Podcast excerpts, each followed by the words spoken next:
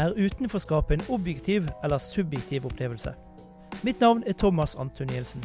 Jeg har jobbet som journalist i Bergensavisen, NRK, og de tolv siste årene har jeg jobbet som redaktør i gatemagasinet Megafon på Vestlandet. Jeg vil prate med de som har valgt å stå utenfor samfunnet, av politiske, sosiale eller religiøse årsaker.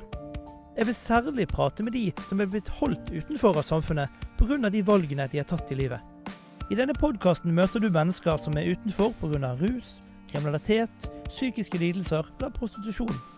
Du får også møte mennesker som følte seg utenfor i lokalmiljøet de kommer fra, fordi de hadde en annen legning, en politisk overbevisning eller en religion som ikke blir godtatt av folk flest. I denne podkasten får du rett og slett møte mennesker fra hele landet, høre historiene deres om hvordan de havnet utenfor. Tenk deg at du kommer fra en liten bygd, et sted oppe i Nord-Norge. Glansbildet sier at det skal være trygt sted å bo, masse venner, samhold og et godt nærmiljø. Tenk hvis du er annerledes.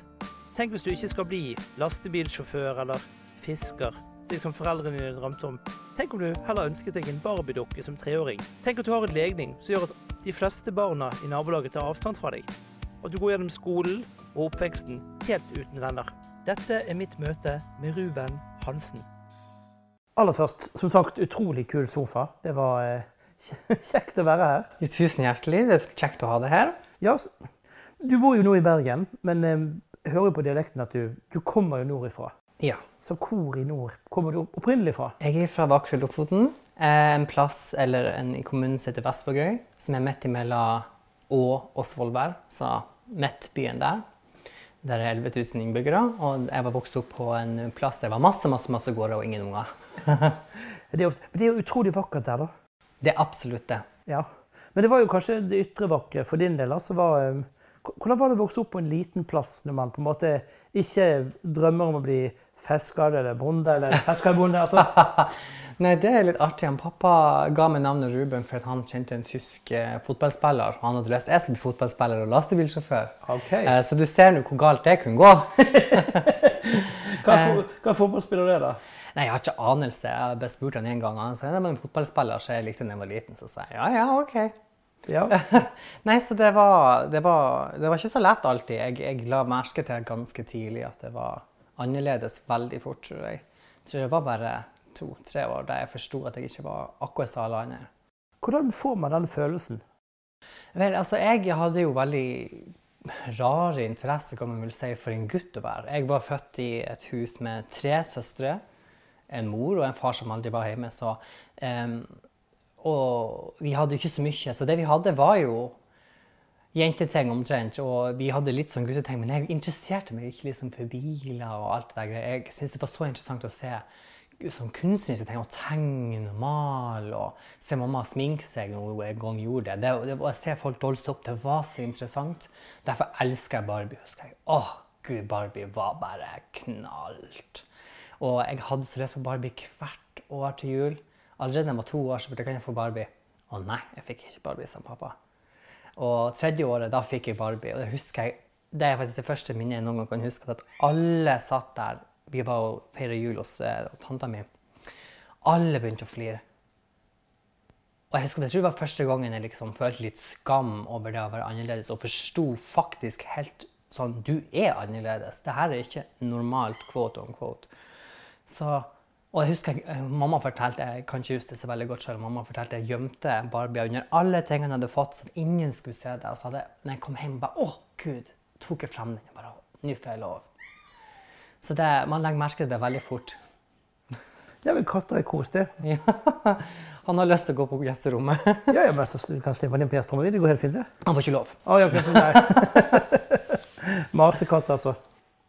Men, men, det å vokse opp da i, altså, i en storby, så ville jo du funnet et miljø ganske kjapt. Mm. Og gjerne dine foreldre ville funnet andre foreldre som på en måte hadde barn i samme situasjon.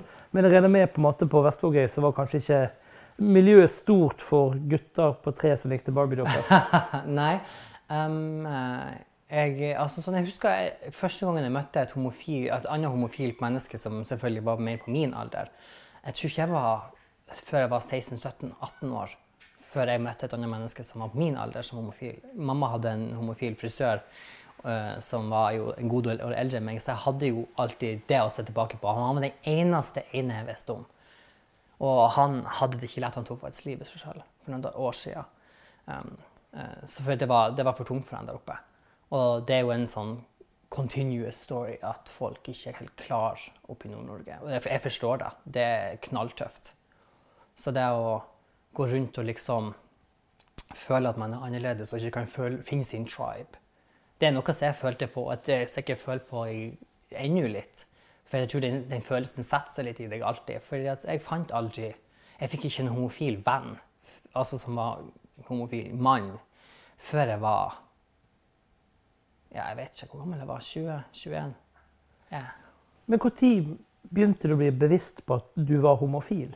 Altså, Når du var tre og du merket at du var Annerledes. Ja, altså, ja, men hvordan på en måte, Når begynte det å gå opp for deg at du faktisk var en homofil mann? Ja, altså Jeg, jeg tror jeg fant en eh, fant eh, masse Altså sånn den her attraction, attraction for menn ganske tidlig.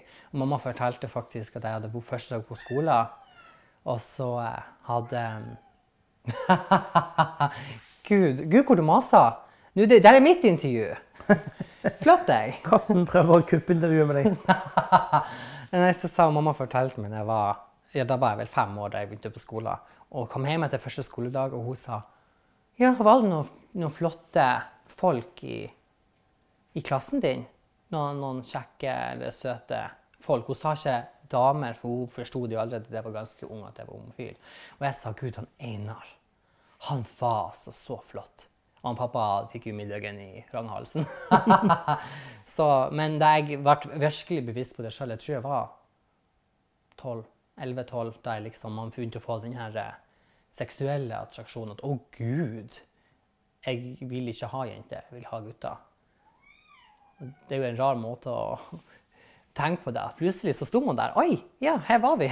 Ja, men det var jo også det, det, En ting som jeg syns er litt spennende Eller ikke mye spennende, men jeg, jeg, lurer på hvordan var det da din far, altså, som tenker at du skal være fotballspiller, oppkalt etter en tysk fotballspiller som sikkert da er supermannlig heterofil fyr.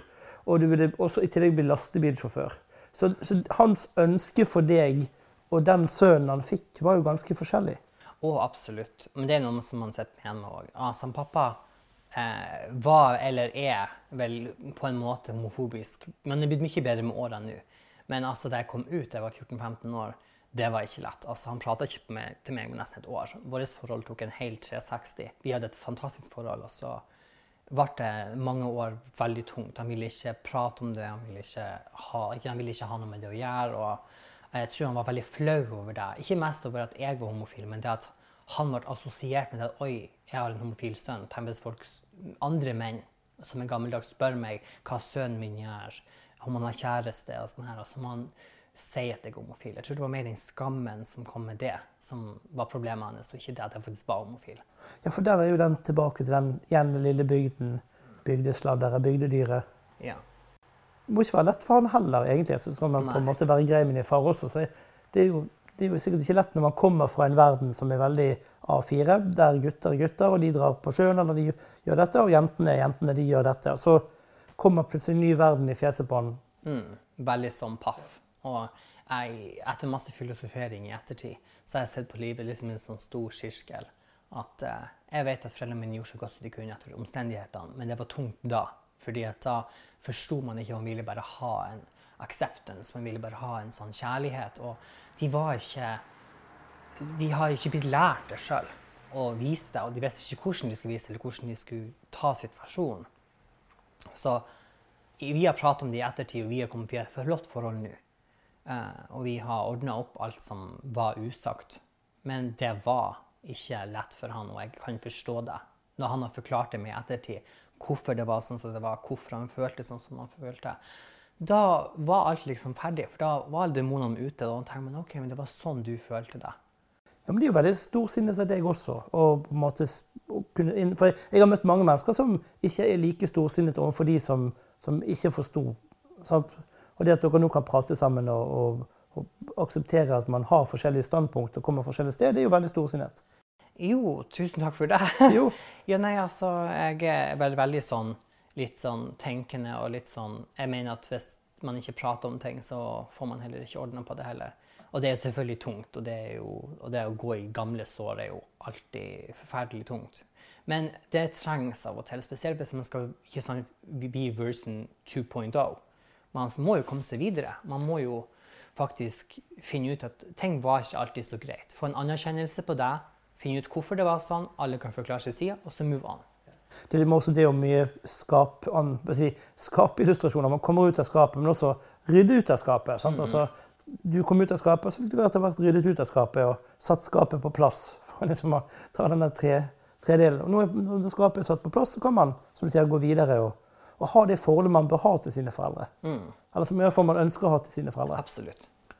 Men skulle du ønske noe annet i din oppvekst? At de så deg tidligere og anerkjente deg tidligere, eller? Mine foreldre hadde mer enn nok på tapeten jeg lærte i ettertid eller forsto sjøl.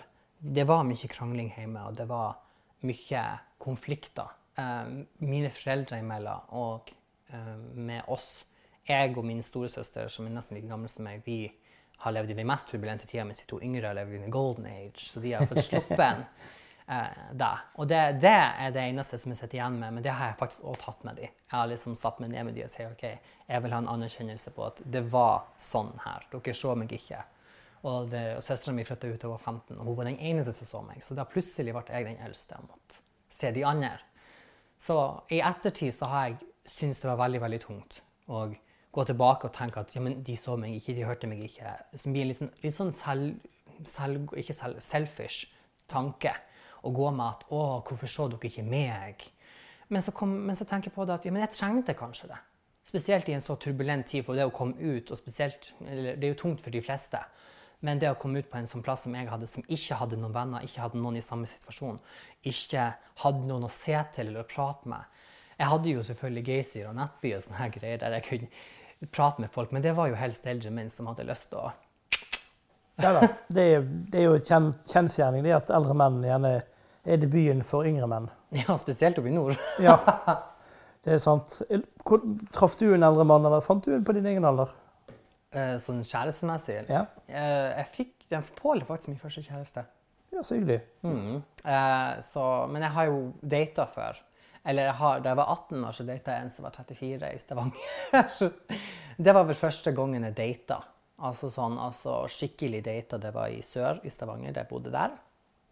Eh, på Hundvåg. Fantastisk flotte bolig med venninnene mine. Og ikke jobba jeg og bare gjorde ank. Tok en liten pause. Eh, så ja. Så, da, så ja.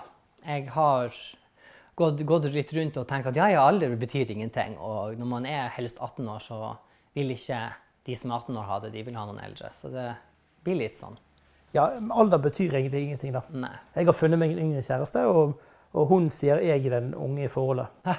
Jeg oppfører meg som jeg er åtte år, så det, det er som å bo med en åtteåring, sier hun. Det, men, det jo, men, det er jo, hvordan man er mentalt. Det er det viktigste. Og er du mentalt mye eldre, så er jo, er jo det det viktigste.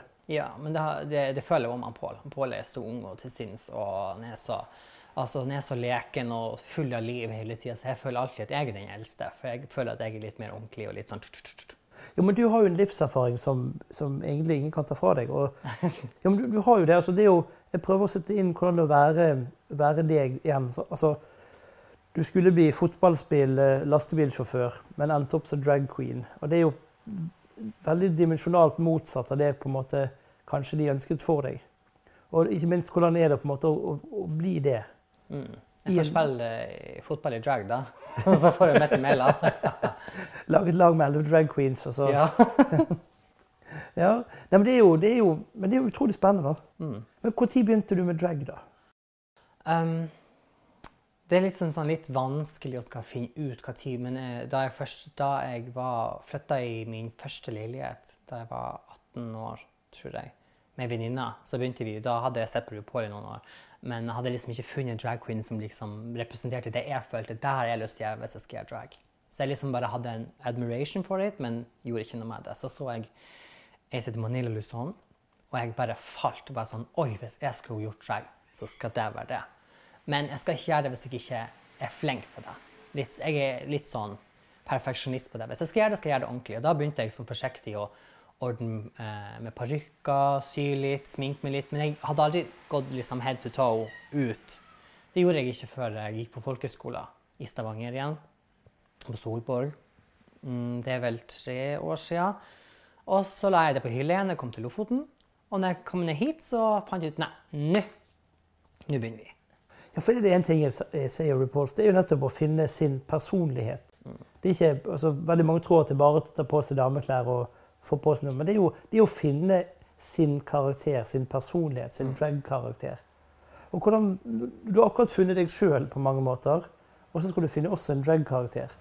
Det er jo ganske hardt arbeid, det også. da. Ja, altså det, det er liksom som frukten av ditt arbeid, kan man si. Eller i hvert fall for min del. Fordi at jeg har jobba utallige timer for å prøve å ordne parykker og sy og sminke meg. Og så var liksom det siste steget å gå ut i full drag og være sånn Jeg har jobba så hardt for det her. Jeg har funnet ut hvem, hvem jeg er, hvorfor jeg er. Altså, hvor, altså, hvorfor gjør jeg det her? Jeg vet det. Sånn, så gå ut og bare slå håret løst. Eller parykken, eller hva man skal si. Men hvis, du, hvis, jeg skal spørre, hvem er du i drag? Fortell om den, den personen du da blir. Det blir kanskje litt mer en, en stor elevated versjon av meg sjøl. Altså veldig livlig, veldig Altså sånn Liker å få litt attention. Man må ha litt sånn, man må ha litt looks, litt side-eye. Og jeg liker å kan være litt bitch. Litt sånn, og liksom kan vise at jeg er faktisk bedre enn deg. Det, men altså, Jeg er jo ikke det, men jeg tror det. ha litt attitude. Bare jeg har litt attitude og virkelig vise at her er jeg. Men det har jeg jo i vanlig livet òg. Men, men det, den attityden, er det, er det, på en måte litt stikk tilbake til Vestvågøy og så sier jeg sånn Ha-ha, se her, det ble noe av meg. Mm, Dere ja. prøvde, folkens. eh, eh. Ja. Nei, altså, jeg har alltid vært rebell. Det, men det har altså, alle sagt, og lærere og autoritære og foreldre og alt at det, det, jeg er ganske rebell. Og jeg, er, jeg har alltid vært veldig sånn attitude, veldig krass, og har alltid gått rett straight for the bone. Jeg bryr meg ikke om alt den lekinga og grøten og alt det der. Jeg går rett på. Og det har virkelig fulgt meg, for det er liksom litt min vegg og min styrke at vet du, jeg, jeg sier det sånn som det er. Og hun er bare Hun er, hun er det samme som det. Og ja, jeg er vel kjent for å faktisk ha attitude nok. ja, men det, man må ha det, da. Man må ha litt baller. Mm. Sant? Det må man ha. Men mm, du får gjerne det etter å ha vokst opp i liten plass, som jeg antok ikke godtok deg. Sant? Og som du sa, du hadde ikke venner på din egen alder som, som var i samme situasjon. Jo, mm. Så var ikke det litt ensomt da? Jo, altså eh, Da jeg gikk på skolen eh, Gutter ville ikke ha noe med meg å gjøre. Sånn, de skjøy meg som pesten. De ville ikke ha noe med meg å gjøre, for de ville ikke bli assosiert med meg, enda om jeg kom ut eller ikke. Jeg hadde ingen venner som var gutter. Og det var ikke av eget valg, det var jo fordi jeg ble valgt ut til å ikke være venn med. Og ikke mange av jentene ville ha noe med å gjøre heller. Jeg hadde ei venninne som het Sandra, og fra Mehamn. Hun var nabo med meg og kom i, i første klasse. Og vi var venner i alle år. Bare jeg og. Helt til jeg kom i åttende, da jeg fikk sånn to-tre til venner. Eh, og det var ensomt, og det var selvfølgelig litt sånn Det er jo litt kjipt å ikke bli invitert. Du sitter og ser på filmer der de har overnattingsfester og bursdager, og du tenker Gud, hvor artig det hadde vært hvis jeg kunne vært med på det. Og liksom være den personen som ser utenfra og inn på alle andre som blir invitert, og får lov å være med og får lov å ta del i leken. Og så får man ikke lov til det sjøl fordi at man er noe man ikke kan noe for. Ja, Så legningen din førte deg utenfor? Ja, absolutt. Ennå ikke, de, ennå ikke hadde kommet ut, og ennå jeg liksom sa at jeg er heterofil, for det gjorde man jo da, eller bifil, eller hva det var så var det nok de var sånn ja, men vi vil ikke ha noe med deg å gjøre. Og det var sikkert homofile menn som kunne skjule det bedre, som hadde access inn i de her sirklene der, men jeg fikk aldri lov å komme inn. Og jeg var grov mobba på skolen, av både lærere og elever. Det er jo forferdelig å høre. Hvordan er det for et barn å bli, å bli støtt ut for noe du er For du er jo, du er jo deg sjøl. Du vet jo ikke noe annet. Du, du er jo helt naturlig. Sant? Du er et naturlig vakkert menneske. Men, mm. men hvordan er det å bli støtt ut da? Si, vet du hva, du, du, får ikke være med. Ja, altså jeg ble nesten sånn the, king, the queen of freaks. det, var, det var liksom, De, de begynte å kalle meg dronninga, og så var alle andre mine minions. De som var utestått. Men jeg var den som sto opp for dem. Jeg var den som hadde stemme for dem. Den som sa ifra. Og derfor fikk jeg liksom den, den derre den og han.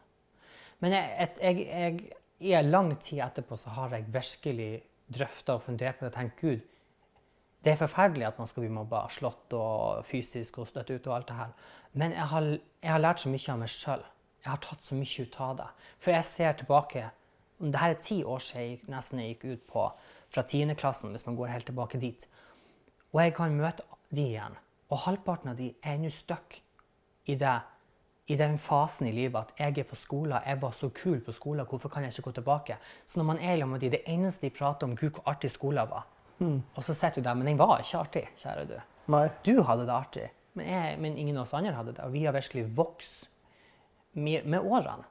Og det, og det takker jeg med. Jeg er så lykkelig overfor at jeg er kommet og virkelig fått realisa meg sjøl. Og når jeg ser de eh, dabla i dop og alt annet fordi at de ikke finner den samme haien som de fikk på skolen, fordi at der var de jo konger og dronninger. Og, og det blir støtt ut. Du lærer veldig fort å luke ut folk. Denne personen vil ikke deg noe godt. Du lærer å se folk, og du lærer å få et backbone. Og det er mange som gir etter, og det er forferdelig trist. Og det gjorde nesten jeg òg, men gud, jeg har lært så masse av de, opplevelsene der. Så når jeg ser andre mennesker som liksom har hatt litt silkepute under armene og har fått alt på sølvfat Jeg har aldri fått noe på sølvfat. Så når jeg kommer meg i en sånn krise eller i en sånn problemstilling, så løser den ganske sånn radelig uten at det knekker meg. Men jeg ser folk som får den samme, og de knekker på sekundet. Og da tenker jeg gud, jeg var heldig. Ja, for det, jeg, jeg aner jo en enorm stolthet her. Mm. Du må jo være utrolig stolt over å komme deg gjennom alt dette. Og fortsatt være på beina og være den fine fyren du er i dag. Å, absolutt. Jeg, jeg er veldig stolt over meg sjøl. Eh, det, det, altså men det er sånn som jeg sier, jeg sier det ikke ofte, men jeg er veldig veldig stolt over meg sjøl. Og jeg har har overkommet så mye. Jeg, altså, jeg bruker å si jeg er tough as nails. Altså, gi meg any challenge, jeg tar den på røde rappen. Fordi at det var det man, man fikk det. Og foreldrene mine også lærte oss veldig det med hardt arbeid, og de var veldig strenge. Sånn. Og vi lærte veldig, veldig mye av det òg. Så stolt, ja, det er jeg. Ja, det har du all grunn til. Mm. Det all grunn til. Det, det, er, det er imponerende, jeg må si det. For det jeg hører nå, det kunne jo knokket veldig mange. Ja, det tror jeg. Og det har det jo gjort òg. Det har det. Hvordan er det da på en måte å, å sitte i den situasjonen og tenke at dette kunne knokket meg òg? Og vite at andre i din situasjon, de, de er kanskje ikke her i dag pga. presset fra, fra utenfra. Ja, sant.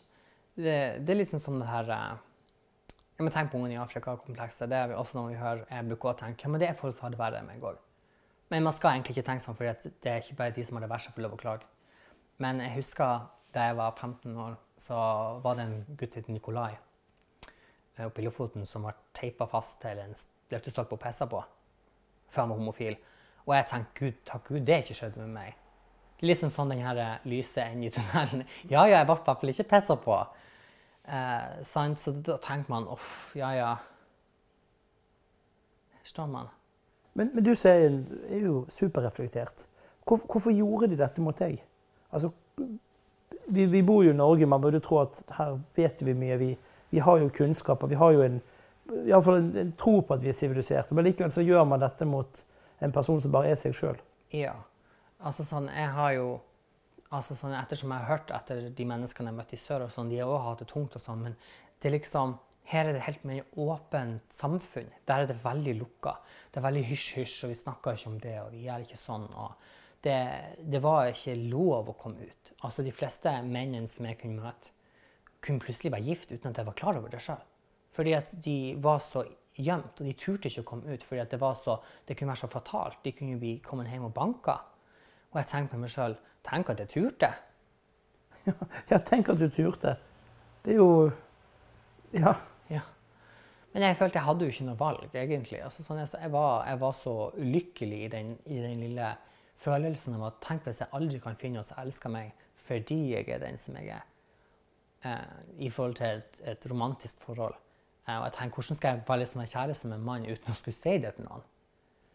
Og så jeg fant ut, vet du, jeg sier det bare, og så får det heller bare være som det var. Jeg kom ikke ut offentlig, eller alle visste det jo, men før jeg var 18 år. Fordi at, Av respekt for min far. Fordi at jeg tenkte at han må, ha, han må få lov å ha noen måneder eller år til å virkelig fordøye og drøfte. Fordi at jeg ville ikke påføre han den smerten, kan man vel si.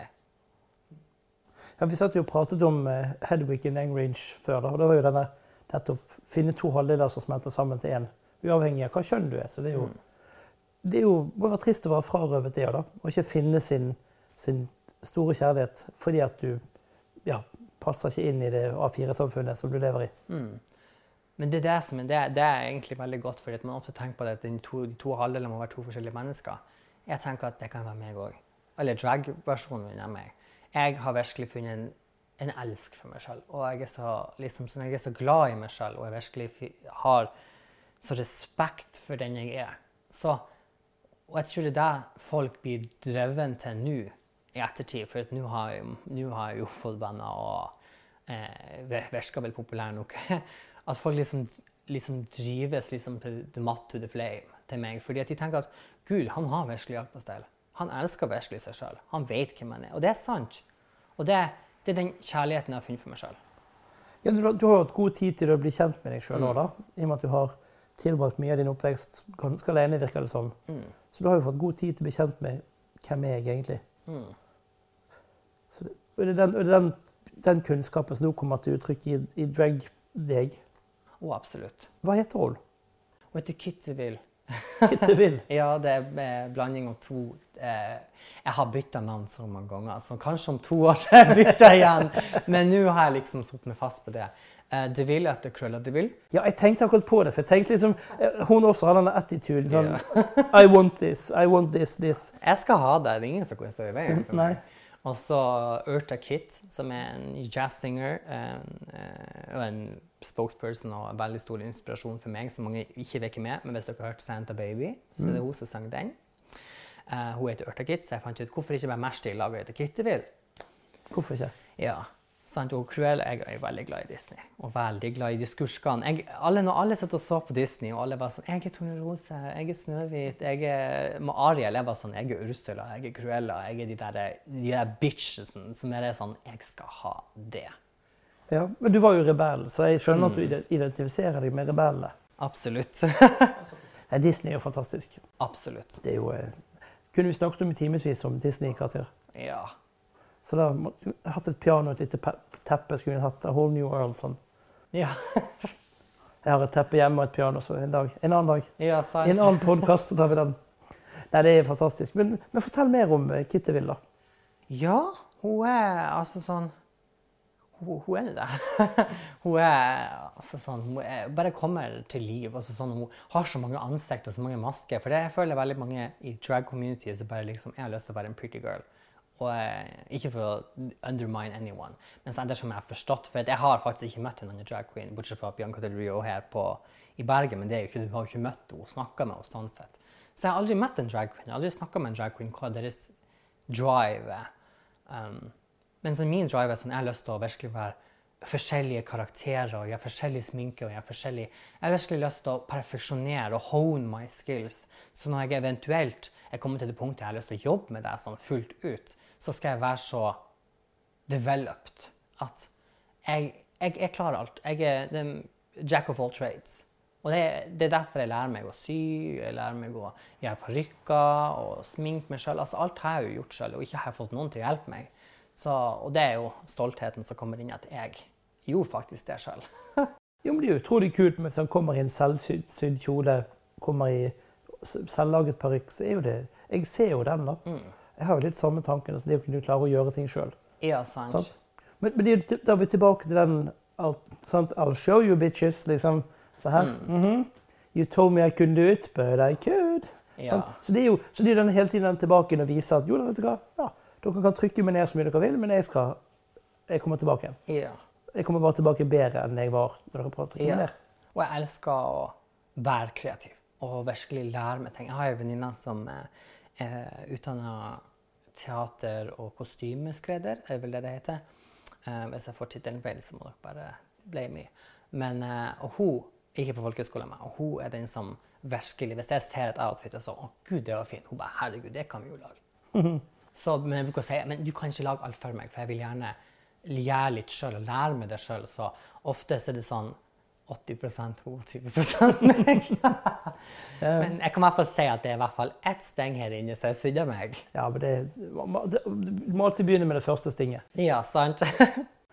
men jeg har lyst til å gå litt tilbake til, til ikke oppveksten nødvendigvis, men, men forskjellen mellom nord og sør i Norge. Mm. Når du kommer fra nord og kommer nå til Sør-Norge, hvordan ser det samfunnet ut her kontra Nord-Norge? Og det er, jo, det er jo virkelig forskjellig. Altså, jeg altså kanskje, Det er så mange ting som jeg ser så tenker Gud, hadde de gått rundt sånn i Lofoten, så hadde de blitt banka. Altså sånn, eh, det er jo ikke positivt, men ikke det, det, det, burde de. Men det er sånn, jeg blir så overraska over at folk liksom bare kan ha den friheten til å virkelig bare Her er jeg. Om det er en grønn afro, strengtruse, altså You go, girl! Mens i Lofoten så er det veldig sånn cookie cutter. Det må være denne shapen, du må være sånn, du må like det, du må ha det. Det er veldig sånn det her er gutteting, jenteting og veldig sånn gammeldagse verdier. Sånn at OK, vi holder oss til det. Og vi er ikke sånn. Vi er ikke sånn. Så jeg kan oppleve til og med når jeg er hjemme i Lofoten, for jeg elsker å være i Lofoten. Jeg har veldig mange venner der, eh, og gudbarn og ja, søsknene mine bor der òg. Så når jeg drar opp dit og jeg ser de som faktisk tør å være seg sjøl, sånn Gud, du, du, har mad respekt, fordi at her oppe, det er ikke lett. Bare du er litt forskjellig. Sant? Og det trenger ikke å være homofil engang. Altså, jeg hadde en lærer som heter Frøydis. Hun var fra sør. Hun bor faktisk her i Bergen. Hun var den eneste læreren som likte meg, og den eneste hun var kunst- og håndverkslærer. Den eneste læreren som forsto meg, som så meg. De andre så meg bare som en rebell og liksom bare som i veien. Kan ikke du bare passe inn i denne formen vi har? Ja. Denne formen har fungert i 100 år. Hvorfor må du, mm. hvorfor må du utfordre formen? Ja, sant, og Hun var litt sånn sort enke. Hun var helt kritthvit. Svart hår. Gikk bare i svarte klær.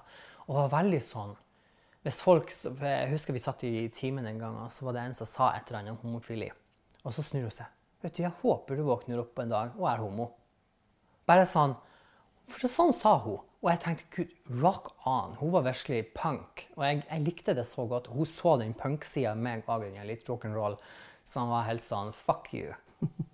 Og hun var heller, hun var også mobba av lærerne, husker jeg. Hun fortalte at hun var heller aldri likte lærerne. Og hadde det tungt sjøl. Og jeg tenkte hvor, hvor, hvor forskjellig må man være? Det er ikke snakk om mye engang. Du må bare kunne se at jeg liker noe som er litt annerledes enn alle andre. 'Å, gud, du er Sonja. Mm, og så er du utstøtt. Det må jo være utrolig vanskelig å bo i nord, da. Altså hvis, hvis, det, hvis det, skal så lite til at du Å ja, jeg liker å gå i lilla skjorter. Å ja, men da er du ute. sant? Mm. Altså Det må jo være mye ulykkelige mennesker der oppe da. Ja, men så lærer man liksom å leve litt med det. Og så lærer man seg å liksom Nå er det jo blitt mye mer rebelsk enn det var da jeg var ung. Eh, det høres ut som jeg er kjempegammel, jeg er bare 25 år. Men bare de lille fem årene har endra seg veldig. For nå har vi fått den første priden. Jeg gikk faktisk i den. Så, og vi har hatt folk som er av andre legninger og hudfarge og forskjellig. fordi der oppe kan det være masse rasisme, masse homofobisk og sexist. Og det er veldig sånn menn er bedre enn damer og forskjellig. Men de, de minsker i tall nå. Veldig. Det blir bare mer og mer støttere og mer og mer eh, liksom sånn et syn som ikke de er så vant til. Og det er jeg så stolt av å kunne være en del av den generasjonen som bare sånn kjemper igjen. Helt sånn, ja. ja det, det, er gøy du sier, for man tenker gjerne tilbake på kvinnefrigjøring, kjønnskamp noe som, Det skjedde på 70-tallet, litt 80-tallet. Men nå får du faktisk være med og, bidra til å endre samfunnet i dag. Mm. Og det er, en, det er, jo en, ting som ikke alle får være med på. Nei, sant det. Og jeg, sant, og jeg bruker å si at jeg har hatt trailblazer nok når jeg, når jeg er der oppe, han Pål, han Pål har sagt ja, skal vi bo her, så sier han vet du hva. Eller jeg har jo spurt han om ikke lyst, men likevel jeg har sagt jeg tror ikke det passer seg egentlig. De er ikke helt, helt klare ennå. Men Gi dem litt år til, så kanskje de er klare. Og jeg, og jeg, sånn, jeg har et trailblazer så mye. Jeg har tatt så mye pepper. Og jeg har tatt og endra og fått folk til å endre mening og virkelig kommet meg inn i det lille samfunnet. Så jeg er sånn, nå må jeg virkelig sette meg sjøl på frontline igjen. Men så tenker jeg det er faktisk nødvendig òg at noen gjør det. Sant. Men det er også godt å bare ha litt pause. da. Ah. Og bare kunne være seg sjøl, slappe av, senke skuldrene. Mm. Og bare home your skills og bli den perfekte personen. Ja, så det er sånn som når vi går ute blant folk, og Pål kan plutselig begynne å sange og den danse skal stå midt på Torgallmenningen, og da blir jeg sånn slutt. Jeg har vært, jeg har vært midtpunktet så lenge. Nå tenker jeg vi kan, vi kan roe oss ned litt nå. Du skulle ikke funnet en musikalskuespiller? Nei, det var det jeg òg fant ut av. Jeg tror det er også min kjæreste fant litt for sent ut at det, det er en, en mann som bare kan plutselig begynne å synge. Og, det, men nå begynner hun heldigvis å bli med på det. Så nå, har vi, nå er det rene musikalstunden hjemme hos oss. Dere finner komboen. Ja, ja, ja. Plutselig så bare bryter man ut i en liten sang mens man lager middag. Så det, det må Ja. til. Det må til. Men de, de har man lov til, heldigvis. Og det er jo kjekt. Så, så du, du savner ikke tilbake til eh, flott natur og havet som slår over? Jo, det gjør jeg. Men det er mer eh, venner og familie som jeg savner mer enn sånn naturen og sånn, for den er jo der. Nordlyset, det kan jeg savne, men eh, eh, venner Jeg har jo utro, jeg har tre gudbarn der oppe på fem, fire og tre. Jeg har utrolig mange flotte venner og kollegaer og familie. Altså hele familien min er der oppe. Så jeg savner jo de, og jeg har veldig godt forhold til mine to yngre søstre. Eh, vi har alltid vært litt som en litt trio. Eh, Så det, det savner jeg absolutt. Og hadde jeg kunnet flytte alle hit ned, så hadde det bare vært Men eh, så jeg tror det blir å flytte på Lofoten ett punkt, men ikke nå. Ikke sånn man flytter hjem når man blir eldre og skal slå seg litt til ro. Ah, jo, det hadde vært flott, men jeg er ennå så ung. Has so, so much thing to do. Ja. Men hvor går ferden videre? Hvor går Kitty, Kitty DeVille videre? Jo, jeg håper jo egentlig hun bare kan lage seg et navn for seg selv her. Nå har jeg vært med i en dokumentar eh, for um, Det var en sånn finaloppgave for noen som gikk på den eller sikkert den samme skolen som du har gått på, journalist og sånn her. Ja. Eh, og da var hun her i Bergen og filma meg, og jeg var med i den dokumentaren der. Og nå har jeg jo åpna Instagrammen min etter at jeg må slette den forrige. For jeg fikk drapstrusler fra Lofoten. Det må du fortelle mer om. Hva skjedde der? Ja, nei, for jeg hadde Jeg hadde faktisk to Instagrammer. Men uh, den første det var liksom bare litt på tull, og så ble den borte. Den andre ble litt mer seriøs, for det var etter folkehøyskolen. Så var det mange av de som gikk på skolen, men du må jo lage en sånn profil. For jeg hadde gjort det litt på folkehøyskolen, og de var jo så fan. Jeg fant faktisk ei krone. Just saying. Men ja, så sa de kan ikke du lage en Instagram så vi kan følge deg og, på veien til stardom. Eh, og så sa jeg ja, ja, det kan jeg lage. Og så lagde jeg den. Og så gjorde den det så feil at den linka Facebooken min til den Instagrammen i stedet for min vanlige. Så da gikk det ut en sånn notification faktisk etter mange år etterpå. Etter mange år, Jeg tror det var en oppdatering på Instagram, så liksom de var sånn Skal vi linke Facebooken inn? Jeg var sånn, nei. Eh, men så gjorde de jo det. Bare ennå jeg sendte mail at dere må slutte her, og jeg fikk ikke noe svar, og jeg sendte feilmelding, og ja. Så de var liksom plutselig bare én og to. Plutselig så jeg bare én og to mennesker liksom likte profilen, som, eller som fulgte med, som er sånn OK, hvordan fant de meg, liksom? Og, så, og det begynte med ei venninne av meg, heter Lise. Eller vi er jo ikke venner lenger nå. Da, for da hadde hun funnet den, og så hadde hun funnet ut at å, jeg må fortelle til alle vennene mine. Så hun hadde bare sendt den ut til videre, så det bare, du vet, videre, videre, videre, videre. Så plutselig var det folk som jeg ikke ville skulle vite det ennå, som plutselig hadde kommet på Instagrammen min, som var åpen selvfølgelig, fordi jeg måtte jo ha følgere for å kunne advertise. Uh, og da begynte de å sende meldinger, å gud, det og det og det, og gå og drep deg selv, og you know, bla, bla, bla. Kommer du tilbake til Lofoten, skal vi banke deg, og her, og jeg, jeg var sånn, ja, jeg har hørt hele regla før, det er bare å snakke. Bare liksom lage en liste med topp ti trusler. Bare ikke tru meg, bare si et, si et tall. Ja. To, du skal få juling. Hørt, åh, jeg har hørt alt i svarteboka. Men det var ei som sa jeg skulle drukne i min egen milt. Det var originalt. Og da sa jeg poeng til deg. så nei, da ringte jeg venninna mi Lisa og bare sånn du, du kan ikke gå rundt og snakke til folk og si det til alle, for du vet ikke hvordan det er. Og Så bare ja, men det bryr meg ikke om. Og da var det sånn ja, men da Ja ja. Så ble det stilt en stund. Og plutselig så kom hele familien min inn på det. Og jeg, eh, mamma og pappa og de søsknene mine og de her uh, nærmeste familien, de vet det jo. Ikke at jeg holder det skjult, men eh, så, gått, så de vet det jo. De har sett bilder med, og mamma er jo veldig der. Hun er sånn Gud, det her er så fantastisk. Eh, så plutselig så var det liksom ah, den extended familien som fikk vite det. Plutselig så var det så mye spørsmål, og de her truslene kom inn, og så fant jeg ut hva, jeg er ikke der aktivt nå, på det tidspunktet der. Så jeg, var sånn, bare sletter den, så får vi heller bare la det være. Og da vi hadde dokumentaren igjen, så fant jeg ut ah, jeg laga den for en måneds tid. Det var helt sånn, ja, nå er det på tide igjen. Da er vi tilbake til deg som jeg sa i sted. De kan trykke deg ned, men du kommer bare opp igjen sterkere. Ja, ja, ja. Etter en kald vinter så kommer det alltid en vår. Ja. Det er litt sånn som så løvetannbarn. Du, Mm. som man prøver å fjerne løvetannen, men jo mer du prøver å fjerne, jo mer kommer de opp igjen. Ja, absolutt. Hva skal du bruke all denne kunnskapen til? For dette er jo en, en vidunderlig god kunnskap å gi videre til andre. Mm. Det er jo veldig mange der som sikkert sitter i dag og har de samme tankene som du hadde da du var liten, Mm. som trenger å høre dette. Ja, sant, altså. Og det er nesten en sånn universal kunnskap, har jeg lært. Fordi at folk kommer ofte til meg med liksom, og skal ha råd. Og ei venninne av meg heter Marte, hun bruker, å si, hun bruker å si at jeg har sånn gammel mann-syndrom. At eh, plutselig så blir jeg en gammel mann, og så har jeg de beste rådene. Så sitter hun der. Hvor kom det her ifra? Så jeg bare Nei, men det, det er nå bare sånn det er. Og så, så Og jeg Hvis noen har lyst til å prate eller føler at de det vet du, de finner ikke ut noe, så jeg bare Herregud, sett deg ned, vi kan diskutere det oss imellom og drøfte. Og så, hva, så jeg viderefører den kunnskapen jeg har. Altså, jeg har gått på mange fjell. Nå er- føler jeg jeg er ganske ferdig med de fjellturene mine nå.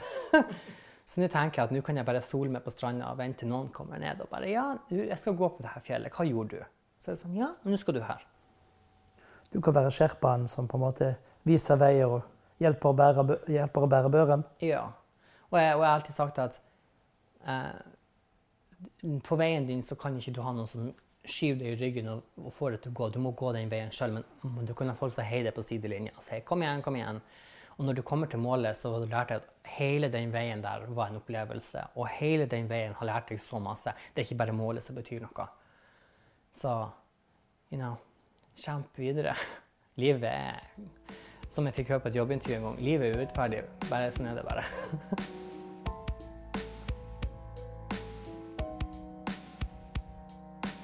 Nå er podkasten kommet til sin ende. Tusen takk for at akkurat du hørte på hele denne podkasten. Hvis du likte det du hørte, trykk på abonner-knappen, og dermed så får du et varsel hver eneste gang det kommer en ny episode fra Utenfor. Du kan også finne oss på Facebook. Der heter vi Utenfor podkast. Der får du også beskjed om det kommer en podkast, eller mer informasjon om podkasten eller det som skjer rundt utenfor. Hvis du ikke har fått tilfredsstilt din appetitt for podkaster, anbefaler jeg deg å gå inn på mainstream.as. Der får du flere podkaster direkte til din øregang. Vi to høres igjen neste uke på mandag. Ha en fortsatt fin dag.